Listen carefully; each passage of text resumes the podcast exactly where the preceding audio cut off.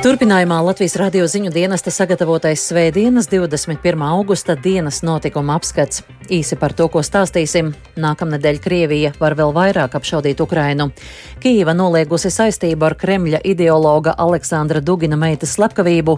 Turcijas prezidents apsver iespējas sarīkot prezidenta pirmstermiņa vēlēšanas. Valdība dosies izbraukuma sēdē uz Lūdzu. Par šiem un citiem tematiem turpmākajās minūtēs.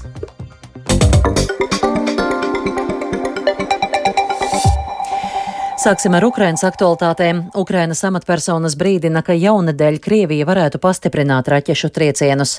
Kīva noliegusi saistību ar Aleksandra Dugina meitas slepkavību. Dugins ir Kremļa ideologs, bet militāri eksperti uzskata, ka Krievija var būt spiesta atvilkt daļu karaspēka no frontes. Par visu plašāk Uldis Ķezberis.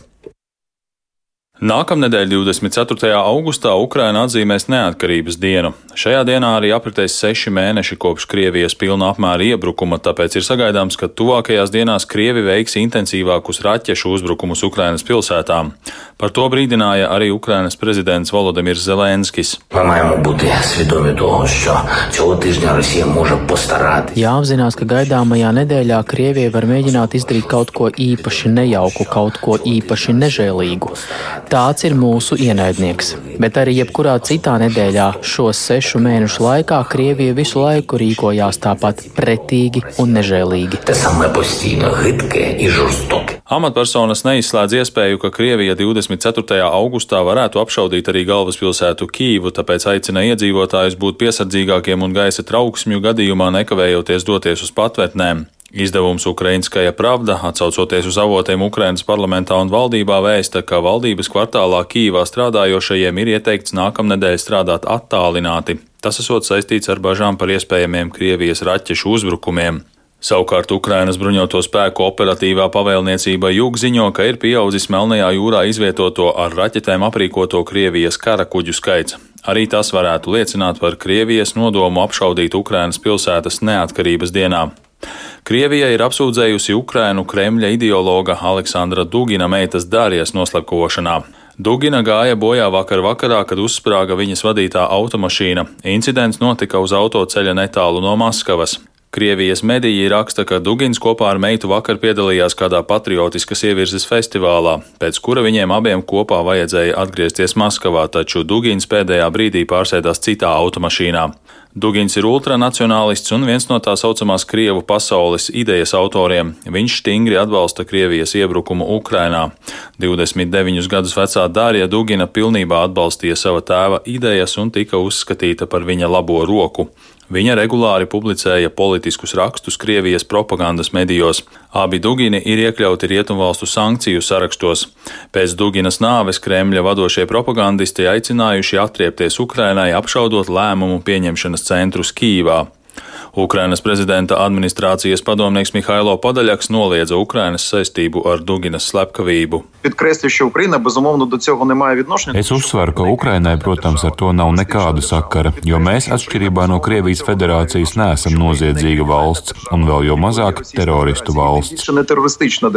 Viņš piebilda, ka Darijas Duginas slepkavība liecina par dažādu grupējumu cīņu par varu un ietekmi Krievijas iekšēnē. Tāpat viņš neizslēdz, ka Duginas nāves dēļ Krievijā tiek pastiprināta histērija, lai radītu informatīvo augsni masu mobilizācijas izsludināšanai. Šorīt kārtējais sprādziens nogranda Sevastopoles pilsētā Krievijas okupētajā Krīmas pussalā. ASV Kara izpētes institūts raksta, ka pēdējā laikā notikušie sprādzieni militārajos objektos Krimā piespieduši Krieviju pastiprināt pussalas aizsardzību. Savukārt tas var nozīmēt nepieciešamību daļēji atvilkt spēkus no frontes līnijas. Domnīcas eksperti arī norāda, ka Krievijas nespēja atvairīt regulāros uzbrukumus Krimā var izraisīt neapmierinātību Krievijas sabiedrībā. Par neticību Krievijas spējām efektīvi aizsargāt okupēto Krimu liecinot arī garās automašīnu kolonnas, kas dodas prom no pussalas. Ulris Česberis, Latvijas radio. Turcijas prezidents Reģips Taips Erdogans izskata iespēju pārcelt nākamgad paredzētās prezidenta vēlēšanas uz šī gada rudeni, lai izmantotu sev labvēlīgo politisko situāciju. Par to šodien raksta Vācijas laikraksts Veltam Sontag. Par to liecinot Turcijas prezidenta pēdējā laika ārpolitiskās aktivitātes, piemēram, mēģinājumi ieņemt vidutāju lomu starp Ukrainu un Krieviju, jaunas militārās kampaņas uzsākšana Sīrijā un gāzes atradņu meklēšana vidusjūrā. Erdogans bažījoties, ka Turcijas ilgstošā lielās ekonomiskās problēmas apdraudēs viņa izredzes tikt pārvēlētam uz otro prezidentūras termiņu.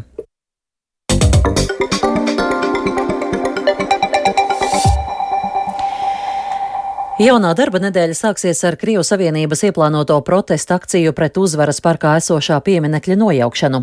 Valdība dosies izbraukuma sēdē uz Ludzu, Latvijā pieminēs staļinisma un nacisma upurus, un būs vēl virkne notikumu, kuros ieskatījās Jānis Kīncis. Latvijas-Krievijas Savienība pirmdien ieplānojas protesta akciju pret uzvaras parkā esošā pieminekļa nojaukšanu. Saņemot aizliegumu rīkot šo protestu, partija versīšoties tiesā.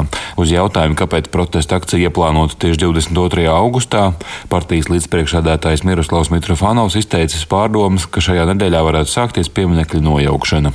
Otradien, 23. augustā Ludzā plānota ministru kabineta izbraukuma sēde. Iepriekšējā valdības izbraukuma sēde norisinājās 2019. gada 12. 12. Novembrī Alūksnē. Savukārt pandēmijas laikā šādas sēdes netika rīkotas.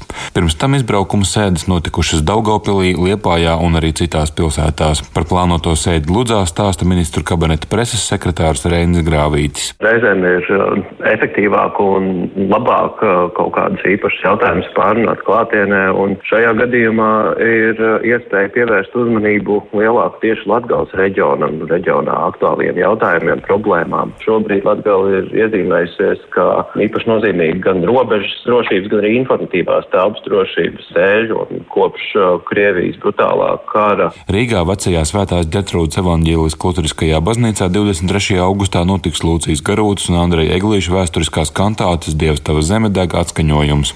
Šajā dienā tiek pieminēti staļinismu un nacismu upuri. Šajā baznīcā noticis arī kantātes vēsturiskais pirmatskaņojums 1944. gada 15. martā. Kantā Tāta dēvēta arī par latviešu lūgšanu dievam, arī latviešu lūgšanu. Trešdien, 24. augustā, notiks Rīgas domas sēde. Tajā izskatāmo jautājumu lokā ir arī lēmuma projekts par jaunas kapitāla sabiedrības Rīgas osta dibināšanu kopā ar Latvijas valsti. To paredz šogad pieņemtie grozījumi ostu likumā. Jaunā kapitāla sabiedrība pārņems Rīgas ostas pārvaldību, ko līdz šim īstenojusi Rīgas brīvostas pārvalde.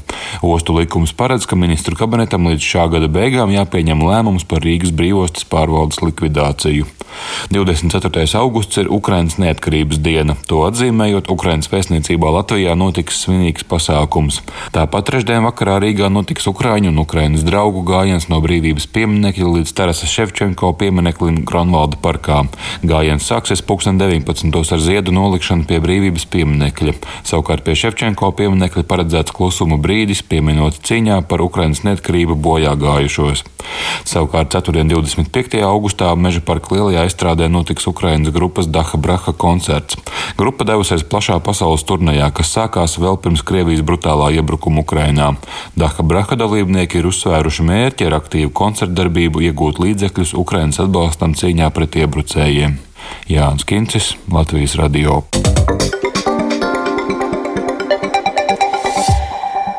Latvijas vīru volejbola izlase šobrīd Jelgavā aizvada Eiropas čempionāta kvalifikācijas maču pret Austriju, ko pirmajā cīņā izbraukumā izdevās uzvarēt. Spēli šobrīd klātienē vēro kolēģis Mārtiņš Kļavinieks, ar kuru esam sazinājušies. Sveiks, Mārtiņ! Sveiks, Oleg, un sveicināt arī Latvijas radio pirmā kanāla klausītāji no Jelgavas Zemgals Olimpiskā centra. Kāds rezultāts šobrīd Latvijas un Austrijas mačā? Nu, jāsaka, tā, ka situācija ir nokaitēta. Es domāju, to arī man šeit fonā dzirdat. Skatītāji ir skaļi uzmundrina Latviju, servē Austrija. Latvieši uzņem seru, bet eh, rezultāts uz tablo konkrētajā setā šobrīd ir trešais sets.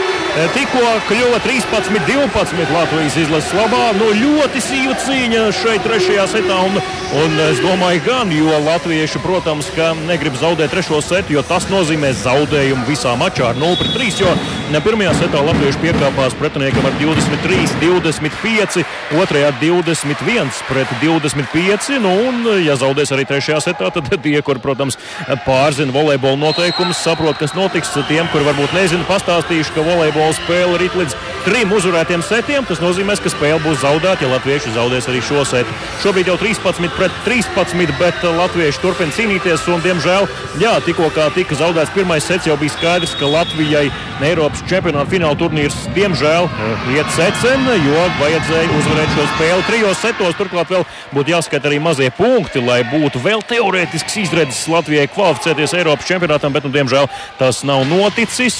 Skatītāji šeit Zemgājas Olimpiskajā centrā gan ir priecīgi par spēles gaitu, jo tā ir saspringta. Nu, nav pilns tribīns, bet skatītāji ir gan pulka daudz. Solveiga. Jā, Mārtiņa, vai ir vēl kādi no šodienas sporta notikumiem, kurus vēlēs izcelt?